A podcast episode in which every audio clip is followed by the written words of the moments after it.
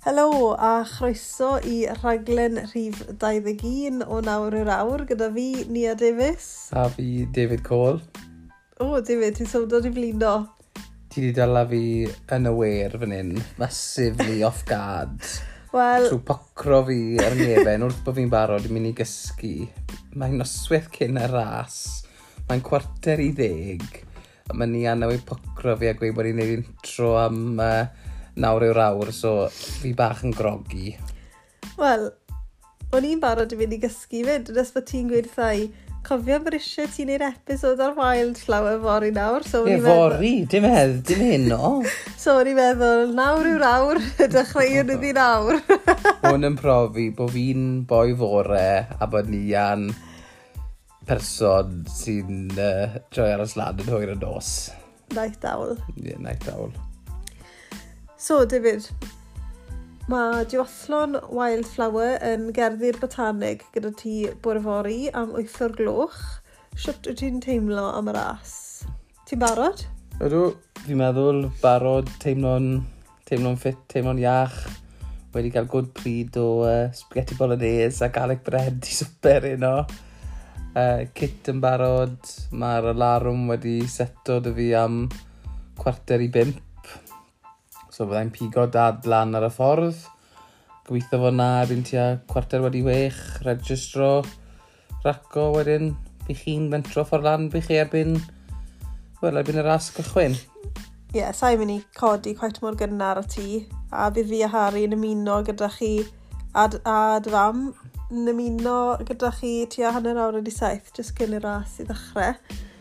Siwt mae'r tywydd yn addo fori, David? Wel, mae'n ofnadw ar hyn o bryd, ydy e, mae'n ma ma gwynt a glaw, ond mae fod taweli ar bin 7-8 yn bore, so croesi bysedd, byddai bach yn well na beth yw i ar hyn o bryd, ond mae fe'r un beth i bawb.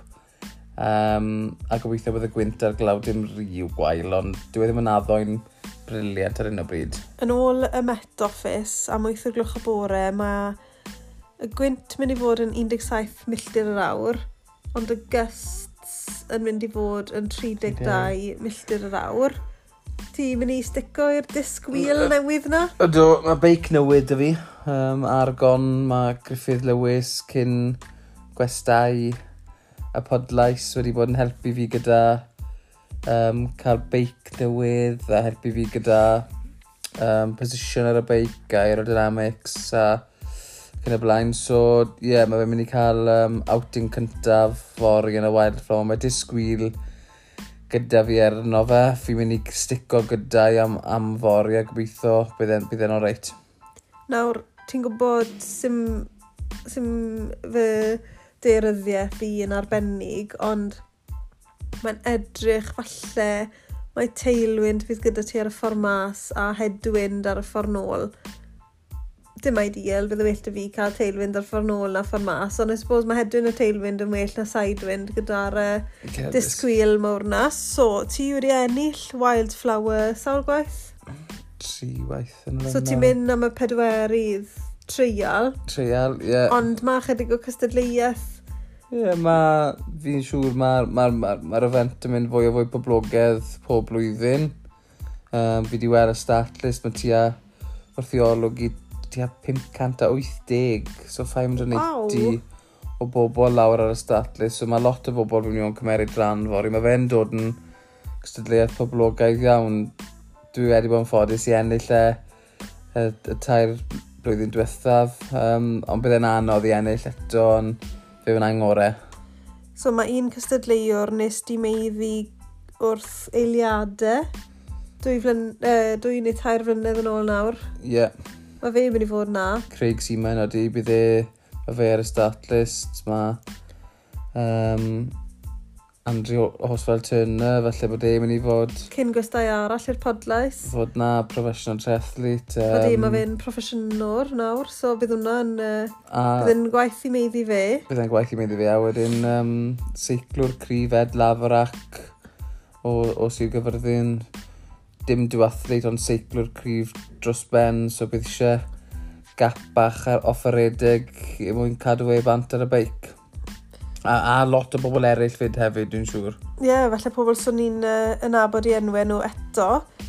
Ond dim just ar blaen y ras, mae pethau cyffroes mynd i fod yn digwydd fori achos mae peil o athletwyr ni yn cymeryd rhan. Nawr sai mynd i enwi nhw gyd achos byddai'n bown o gadw rhywun mas a sa'i mwyn upseto neb, ond dwi'n just mae'n gweud pob lwc enfawr i um, fy thlytraig Anne-Marie sy'n neud i'r ras gynta eriod fori.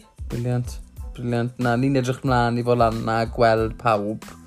Mae kit newydd yn ni.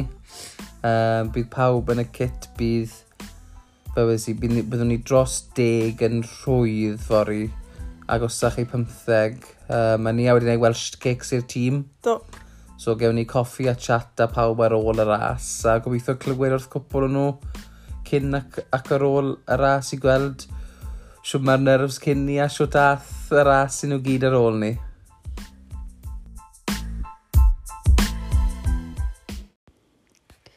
Cyn i ni mynd unrhyw mellach, David, mae bach o disclaimer gyda ni i weid wrthych chi gyd yn osa. Dwi'n gwybod ar diwedd yr intro, nathon ni recordo noson cyn y ras, wedon ni bod ni'n mynd i trial cael sgyrsiau gyda'r athletwyr ac yn y blaen, cyn ac ar ôl y ras yn y Wildflower, ond nathon ni anghofio. Dyma. Wel, beth yw'n meddwl ni anghofio? Nes ti anghofio? Na, oedd hi'n... Oh. Oedd siwt gwmynt mewn mlaen wedi mor o'r, oedd y gwynt yn ofnadw a wedi siwt gwmynt yn ymlaen ar ôl y ras yn cloncan da pawb siarad, beth ti siwt ath pethau a just ath yr amser fel la. Nes i ddim hyd yn oed tynnu'n ffôn mas o'n boced am yr awr a hanner o'r ras le oedd pawb yn cael coffi, bita dy Welsh cakes mm. a, a'n cloncan bant o siwt ath pethau. So, ie, yeah, sim unrhyw cyfweliadau gyda ni, gyda dim un o'r athletwyr. Gallai gweud, llaw ar ynghalon, mae na'r fwyaf o'r dwi wedi bod mewn un o rasis ti am spellen. Oedd naws bach o'r. Oedd y e? gwynt môr o'r a oedd e'n grif iawn fyd. So dwi'n credu hyd yn oed, os bydden ni wedi tynnu'r ffôn mas a treol siarad gyda pobl a recordio'r sgwrsiau, Dwi'n credu bydde gymaint o sŵn wedi bod ar gwynt, bydde fe ddim wedi gweithio. Ond sori, anghofies i. Mwna'n good excuse bach. Ydy, ma fe. I, I, I rate that. Falle dylen ni wedi gweud, o, oh, mae sawl cyfweliad da ni, o'n i ffili defnyddio nhw. Gallai di jyst i mynd mas i sefyll yn y gwynt heddi, dal ar y ffôn na, ysgus bod ti lan yn y wael llawer, a gweud bod di ffili clywed, dim byd, so ni jyst yn styc da fi a ti to. Ha, ah, oce, okay, ti'n gorau wario biti, David. Ie. Yeah. Mae heddi yn ddydd mercher ar ôl y ras. Siwt athi, i, cera ni'r dechrau, ro bach o race report i ni. Wel, fel mae rhan fwyaf chi sio wedi clywed erbyn nawr, e'n really dda i fi. Dys i ben a ennill am y pedwaredd tro yn olynol a dwi, wedi'n, oh, fel maen nhw'n gweud, chuffed a bit, de. Uh, gyda siwt ath pethau fi'n personol i ddechrau da. O'n i'n prowd iawn i bod gallu um, ennill unwaith eto yn erbyn field da, wedi yn teimlo'n pwysau i, i ennill unwaith eto. O'n i'n relieved, o'n i'n prowd bod fi gallu dod benna neud i. Cara ni'r bore. Codes ti'n fore. Codes ti'n fore, do. Um, Gyrru lawr. Dalodd Harry ni mas yn, yn y nos i ddechrau da, dy fe? O, oh, do, anghofus i beth yna. Dalodd e ni mas y cythrel bach. O'n i di droi e'n gwely, a fel chi'n gwybod, oedd ni an... Dalodd ni a fi mas gyntaf, e, gyda cyfyliad bach cyn mynd i gysgu wrth o fi'n troi o golau off.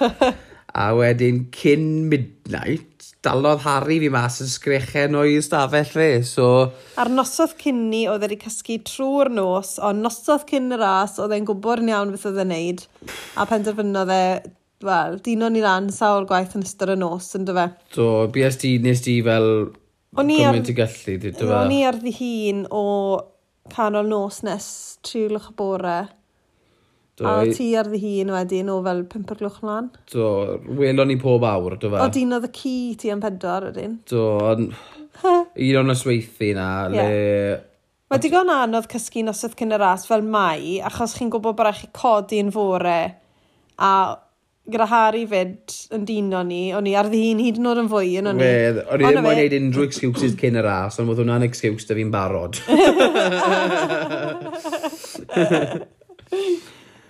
So, Cyrraedd yn gerddi'r Do, botanig Cenedlaethol Cymru. so piges i dad lan ar y ffordd um, fel cwmni.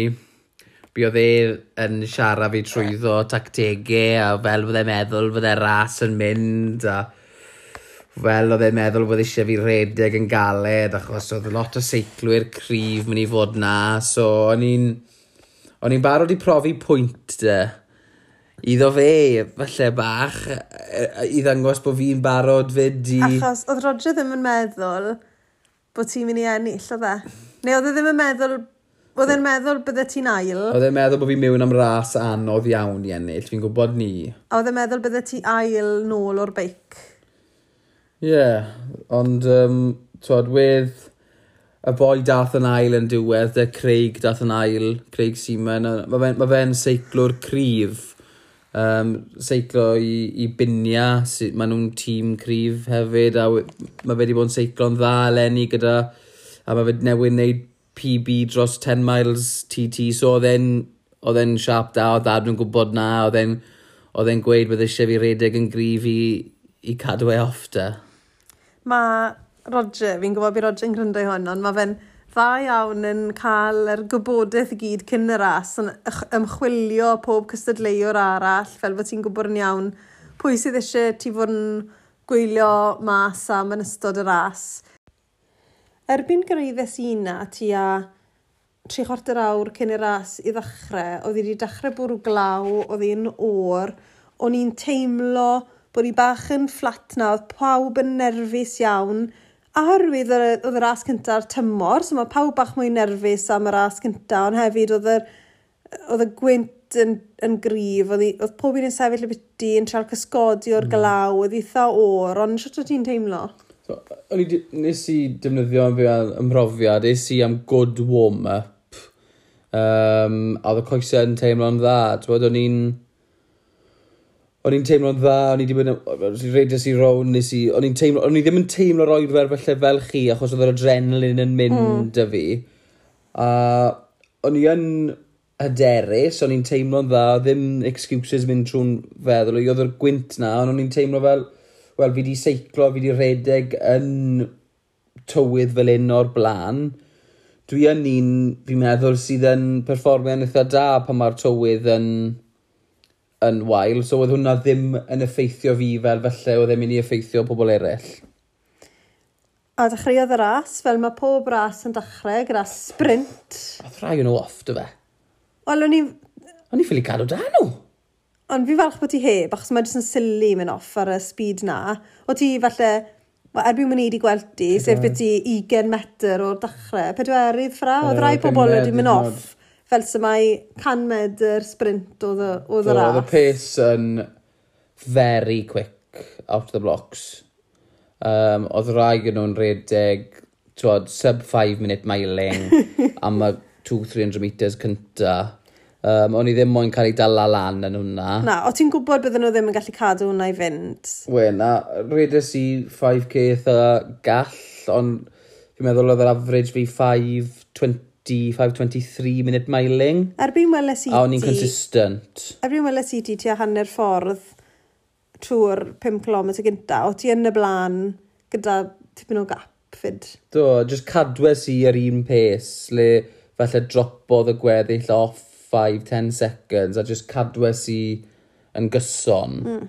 Um, a fi'n gweld bod hwnna'n gweithio'n da i fi'n personol. Sa'n cael y spikes, fi'n cadw yn yr hat rate le fi moyn e fod. Gad ni fod yn onest byti bydde fe probably'n gweithio'n dda i pob un arall fyd bydde fe, os bydde nhw ddim yn gwneud uh, sprint start. Ond erbyn greiddus di transition cynta, oedd ti a 30 eiliad dati i'r dyn oedd yn ail, sef Craig. Ie. Yeah.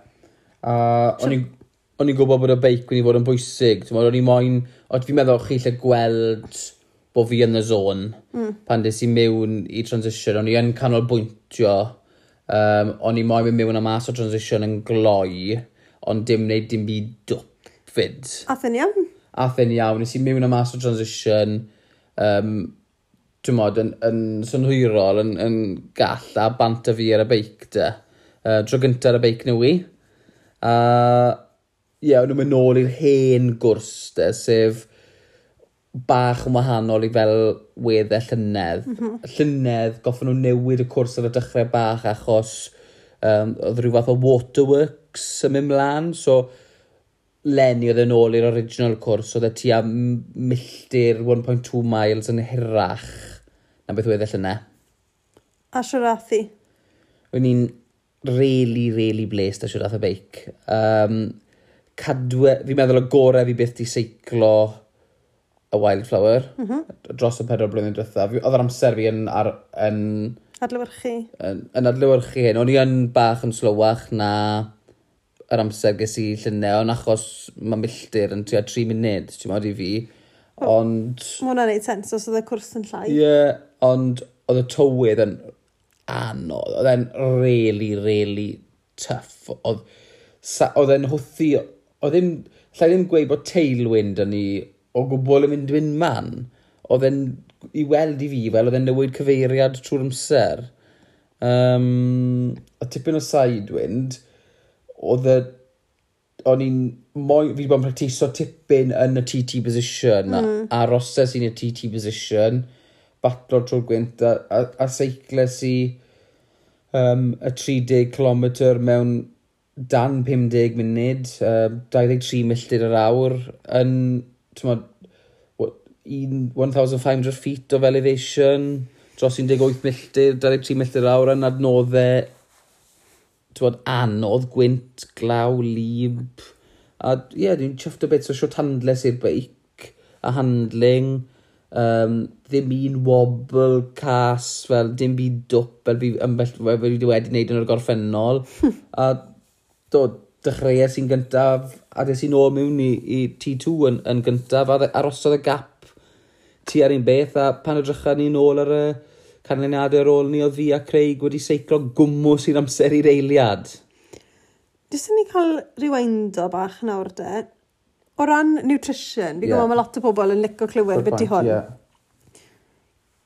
Gel cyn i'r ras i ddechrau? Do, so fel i chi gyd yn gwybod, i fi'n... Cyn, yn y bore ras, bowl o porridge. Yeah. Banana yn y porridge, hanner banana yn y porridge, a doi pisyn o dost. O, na roedd hwnna oriau cyn y ras. Oedd hwnna tua ras. dwy awr cyn y ras. Okay. Okay. Wedyn, bites i hanner banana arall tua hanner awr cyn y ras, a cymeres i caffeine gel. Mm. Uh, tua deg munud cyn dechrau. Mm -hmm. okay, iwsas i'r un o'r rai Mortens na, Ie. sef maen nhw'n rhoi mas ar y rai yma'n. Um, hwnna deg munud cyn dechrau fi, o'n i wedi cymeryd precision hydration, o'n i hifed hwnna trwy gydol y bore hefyd a cymeryd cwbl o salt tablets gyn dechrau neu'n siŵr bod y cramp yn aros bant i fi. So yn ystod y 5 km gynta, o ti ddim yn neud bita dy byd, na i fed yn byd? Na. Unrhyw beth yn transition? Dim byd yn transition. Ac beth cymerus ti mlaen ar y beic? Wel, ar y beic, ges i bach o bad luck. Okay. Yr unig bych o bad luck gais i botel nywyd y fi yn y, yn y cage. A yn y botel na oedd tailwind dy fi. So na'r unig energy o'n i'n mynd i gymeryd ar y beic with y tailwind oedd yeah. werth tua 200 calories a tua 50 grams o carbs. O'n i'n gwybod byddwn ni'n llai na awr, so ni'n fel, sy'n eisiau fwy na na. Uh mhm. -huh. Cymeryd, oedd e'n wyntog, so oedd e'n eitha anodd i cymeryd ymlaen achos unrhyw nutrition ymlaen. Achos oedd e'n mor wyntog, o ti yn teimlo bod eisiau doi law arno ti ar y bars at all times. Ie. Yeah. Ond weles i cyfle i cymeryd hylif mlaen. Ie. Yeah. So, yn gloi, des i lan bach, eis i, i cymeryd e mor gloi, signes i a gwasgu'r botel mor galed mewn un shot, dath y cap y botel off yn complete. Right. So colles i lot o'r hylif a colles i'r cap mewn un shot. So ges i braidd... ges i dros yn jopsi, dros yn siwti, colles i'r cap a colles i'r drink. Right, so... Basically. Ges ti fel eifer unrhyw beth? Wel, Basically, Beth sy'n gwisgo gen mwyn eife e. Basically, tywles ti fe at y gwyneb di. Do. Right. Do. Okay. So, bach o, bach o mistake fyna, gwers yeah. i dysgu felly ddim bod mor wyllt. Wyllt, on, yeah. O'n i'n on mwy concerned beth i dod off y beic yeah. na cymeryd hynny fa. Fi'n person ysgaf ni reach, achos ddim gwybod. So mae unrhyw hwthad o'r gwynt yn mynd i cael effaith mawr arna i. 62 kilos, disgwyl i fyd. Mm. So ni O ti'n trial... Yn becso beth ti na. o ti trial ifer yn gloi a gwasges di'r botel mor galed dros y top off. Do. Do. So, yeah, okay. Nid lew i wneud na. Ta, ta pam gofynnus i'r cwestiwn nutrition, wedi ni wedi actually anghofio'r fideo'r stori bach ma. So, okay. cymeres dim lot mlaen, dim byd ar y beic wedyn. Wedi byd ar dati? Na. Oh, na. right, okay. Wedd gel dy fi, actually ar y beic. Yeah um, fel y ti fi'n galw emergency gel. Na beth rwy'n mynd i gofyn, ble wedd emergency gel so, oedd yr emergency gel yn y pouch. Yeah. Ond to, o'n i ddim yn teimlo bod eisiau fel yna. Yeah. Achos o'n i ddim yn lacking energy. Yeah, a ti'n gosraffu amser. really concentrato ar aros mor ero a o'n i gallu. O'n i'n gwybod bod y person wedd yn ail yn agos i fi. Mm. A bydde fe'n dod lawr i eiliadau, so AC heb y gel. Right. Gyrraeddus di T2? Do. Oedd e wastod yn plan i fi cymeryd gel mlaen yn T2. Mm -hmm. So, o'n i'n mynd i'r off y beic fel nes i oedd tri milltir dy fi redeg 22, 23 minutes. Oedd bach dros ar, ar, ar ail run bach mwy hir, beth i 3.3 miles. So, wrth i roi y beic lan a roi'r yn trainers mlaen, o'n i'n mynd i cymeryd y gel mlaen yn syth yn abenesu. So, oedd SIS gel dy fi cymeriad hwnna'n straight away yn T2 wrth bod fi'n rhedeg mas. So, erbyn amser, maen nhw'n gweud 5 to 10 minutes, byddwn yn cico mewn am... O, dyn nhw'n gweud 5 to 10 minutes? Well, O'n i'n meddwl bod e'n fwy fel 20 munud.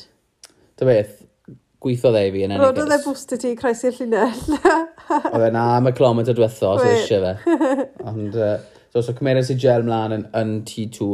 Fi'n meddwl felly bod ti yn iawn, os fe ti'n i lot o bobl sy'n gwrando sy'n mynd, ti'n lot o bobl yn redig 30 yeah, minutes, bydde fe, bydde fe na i iddyn nhw hmm. cymeryd rhywbeth na'n yn T2. Mae fe'n T90 minutes minimum, a lot o'r athletwyr yma, awr 45, 2 awr i wneud y duathlon yma. A maen nhw, so nhw 2 awr yn zone 2, maen nhw 2 awr yn zone 4. O'n i yn mynd i sôn am hwn um, yn, yn ddiweddarach achos bod David dim ond yn cymeryd mlaen bach o hylif ar y beic, so hwnna'n meddwl mae'n abeth dylech chi wneud fyd, achos, wel, chwbod, David, mae David yn cwblhau ras i gyd mewn... Oedd e'n llai nawr a hanner. Llai nawr a hanner. Oedden...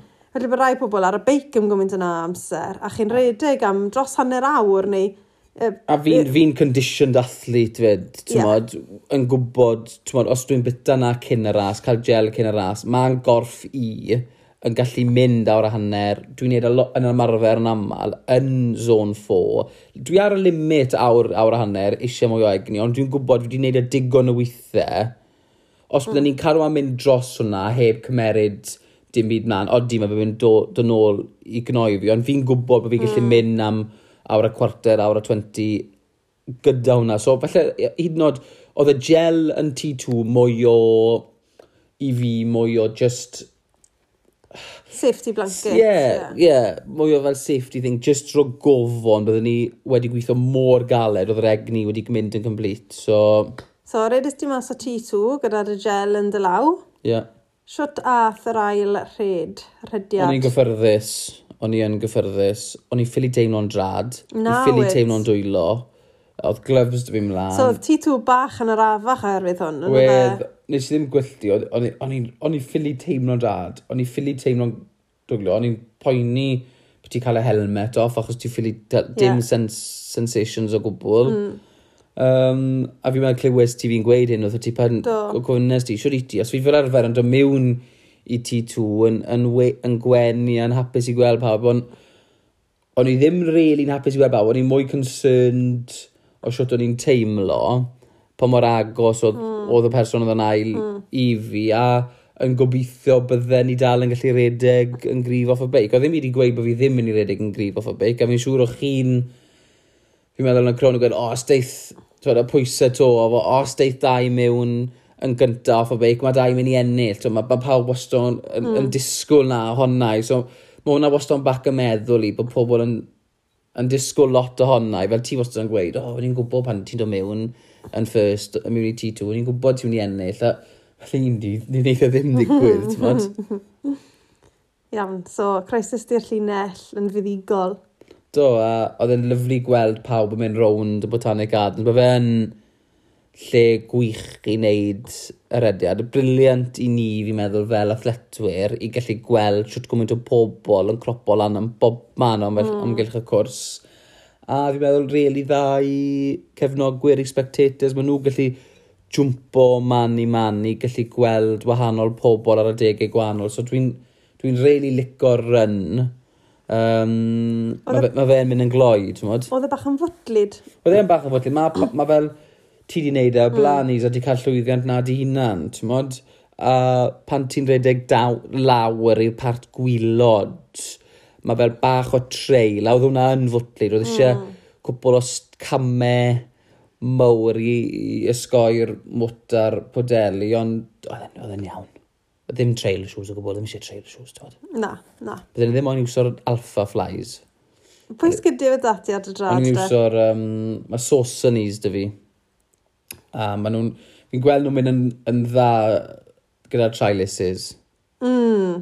Uh, fi wedi treial y Nikes gyda'r tri-laces yn y gorffennol, y Vaporflies. Sa'i beth i trai'r Alpha Flies gyda'r tri-laces. Ddim moyn pwtsio amdano nhw nawr am y ras cyntaf yma. Ond, o'n i'n teimlo gyda'r Vaporfly Nikes, gyda'r tri-laces, bod ti ddim yn cael fel y stability. Yeah. So, fi wedi cael, fi wedi gwneud lot o triathlons yn yn y Sauconies a maen nhw wedi gweithio so sticus i dan nhw. Nath un o'r merched oedd yn gweilio gyda fi, nath hi weid, o, dwi'n syni bod ddim fwy o esgidiau Nike mm. ma heddi, a nes i sbonio i fi bod yr las, bod yn anodd i roi nhw ymlaen. Odyn. A tynnu nhw bant yn transition, ond hefyd bod yr las. Mae'r ma defnydd ar y top yn rhydd iawn. Na. E? Fi, fi di gweld... Defnydd yw e'n hytrach na... Dwi e ddim yn galed, ydy e? Ti'n gallu... Ti'n siarad ti'n mwt a pethau fel yna. Fi'n meddwl, achos dod o drod ti ddim yn teimlo fel bod e mewn yn, yn, yn yr esgyd. Ma, I dod heb y fwt, mae fe fel bod y dro ti'n slipo mas. Ie. Yeah. So bydde fe'n... Gyda'r elastic laces. Ie, yeah, fi'n meddwl bod eisiau... Maen nhw'n briliant am half marathons, am, am one-off stand-alone runs, ond sa'n teimlo fel oedd y Vaporflies yn designed am trethlon well, a trailaces na. So, oedd ddim cymryd â ni'n defnyddio nhw. Dim i gymaru a ti'n troi lan i, i run race mm. a mae pawb yn gwisgo nhw. Mm.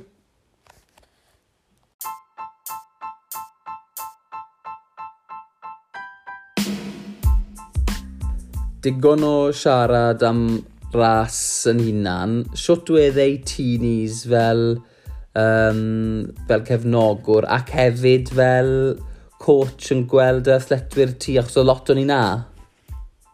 O'r. a, mae'n anodd achos um, chymod, mae Harry dy fi fyd. So dwi'n dwi, gwylio ras gymaint dwi'n gallu a'r person dwi'n watcho fwyaf yw ti a mae gwmynt o bobl eraill wedyn yn mynd a dod, mm. mae'n anodd iawn i cadw llygad ar pob un. Ond na, nes i rili really joio, fel wedys di, mae'r uh, gerddi'r botaneg yn lle lyflu ddod i wylio ras. Chyma, dim yn aml i ti gallu gweud bod ti wedi gweld rhywun tri gwaith yn ystod 5 km mm. gynta. Mm. A wedyn, na, sa'n gweld ti am y beic, ond fi'n gweld ti'n mynd mas ar y beic, a fi'n gweld ti'n dod nôl mewn ar y beic. A wedyn gweld ti yn ennill eto, a gallu gweld yr athletwyr eraill yn rhedeg heibo unwaith neu ddwywaith. Ydy, mae'n wych. Dwi'n trenu oedd hi yn o'r iawn na. Mae'n agored iawn na. Um, Ydy, mae'n agored. Y bwys transition yn enwedig. O na, nes i joio. A um, Anne-Marie, nes i sôn y byty, nath hi, um, gath hi ras rili really dda. Mae'n rili really di joio. Mae'n siarad y byty mynd ôl i wneud y to. Good. Siwyd oedd y kit yn edrych? O, oh, the kit yn edrych yn really dda. Fel, o'n i'n poeni braidd oherwydd ar yr kit penwisg, yr hen kit, mae'r logo DC Trethlon yn fawr iawn, so mae pob un yn gwybod mae DC Trethlon yw'r kit. A gyda'r kit Agilis, falle bod hwn ddim yn wir, os ti'n gweld y kit, so ti'n gwybod, o, oh, DC Trethlon yw na, ond mae fe'n edrych yn really, really dda, a oedd gymaint ohonoch chi yno fe, oedd e'n really sefyll mas. A oedd cwbl o thletwyr ni ddim yn y kit, a nhw, nes i colli nhw, nhw ni ddim wedi gweld nhw, achos mm. o'n i jyst yn cael lle mas am y glas, a oedd e'n rili really sefyll mas. Oedd e, e'n, i'r ddoi o'n i fi'n gweud, pa mor prowd o'n i gweld cymaint o'n thletwyr ni na i ddechrau yn raso, a hefyd yn gwisgo'r kit ac, ac, yn, mm. neud, ac yn neud y mor dda. Ti'n dath, dath Fion yn ail. Do. Mae wedi bod ar y, ar y podlais gyda ni, dath Fion Keynes yn, yn ail yn y ras menywod. Um, a perfformiad y da gyda lot o'r gweddill o dros deg yn rwydd yn cystadlu, wedi'i? E? Oedd. Gyda ni athyn athyn nhw gyd yn dda mewn yn tywydd blincyn tuff. Oedd, fe yna. Sa'n credu bod ni wedi gweud digon falle un y thretwyr ni, pa mor anodd oedd hi ar y dydd. Yeah. Yn enwedig y rai nath, nath em y tro cynta, Dwi'n siŵr... Um... Oedd o fe, Anne-Marie neud i clod. O di? Um, Nath i ddim achwyn y gwbl am y tywi, really. Na. Achos o ti'n dod nôl mewn i um, T2 a fel downhill dy ti. A oedd y gwynt mor grif yna. A mae pa, o pawb wedi beth, o ti'n really yn poeni os oedd gyst mor yn dod. O'n i fel, o'n i wrth i fi off y feic yn mm. So, ie. Yeah. So hwnna'n neis. Dim i rwy'n sy'n neud am tro cynta? Na, di. Wel, dim unrhyw rwy'n, ond... Um... A welodd lot o beic yn anodd. Do, yn oddach na llynedd. Oedd milltir yn fwy, iawn, ond oedd yr, oedd yr um, amwylchiadau, yr, ia'r gwynt, ddim yn, ddim yn, uh, ddim yn neis iawn. Na, ond serch y tywydd, gath pawb good day, gathon ni good chat. Do. Da pob un ar ôl ni. Ath a Welsh gigs lawr. Wff, oh, nhw'n claddu nhw, no, O'n. Sa'n meddwl, weles i dim un. O, ie. Ges i ddim cynnig dim un. A to, oedd e'n diwrnod da. Dwi'n moyn gweud diolch i Nia am dolan i gefnogi fi unwaith eto fod yn, fod yn asgwn gefen i fi a gofalu o'r cari a Harry, ma, meddwl, Harry sorry, mae'n meddwl um, lot fawr i ni'n rieni eto am, am dod lan i cefnogi um, a fod na i'r holl athletwyr am um, twod, neud, neud ni'n prawd iawn i cael nhw fel rhan o'r tîm ac hefyd i uh, tyffrynner maen nhw yn rhoi dwi'n teimlo um, ras arbennig mlaen sy'n siwto pawb os maen nhw'n moyn dychred o mewn i treth, trethlon i diwethaf. Mae fe'n ma fe, fe nhw fel pobl fel, fel Anne-Marie, nath i joio a deithi mm. nôl. A mae fe'n cystadleuol iawn ar, ar y blaen. So mae ma nhw wedi cael e'n spot on, dwi'n teimlo. Mae'r ma, Botanic Gardens yn briliant, ti'n cael coffi na, um, mae fe'n briliant i'r cefnogwyr, mae lle i barco. Mae ti bach na. Mae fe'n tico po box, ti'n modd? Fi'n meddwl mae fe'n, o'n nhw'n gweud, dwethlon fwyaf yn Gymru, dros 500 o, o thletwyr. Gwych. Mae'r tymor wedi dechrau Wel, fi'n gwybod wedyn ni na thos dytha, ond nawr mae'r tymor trethlon wedi ddechrau. A yn y ffordd gorau posib, so ymlaen yn ni nawr am gweddill yr tymor.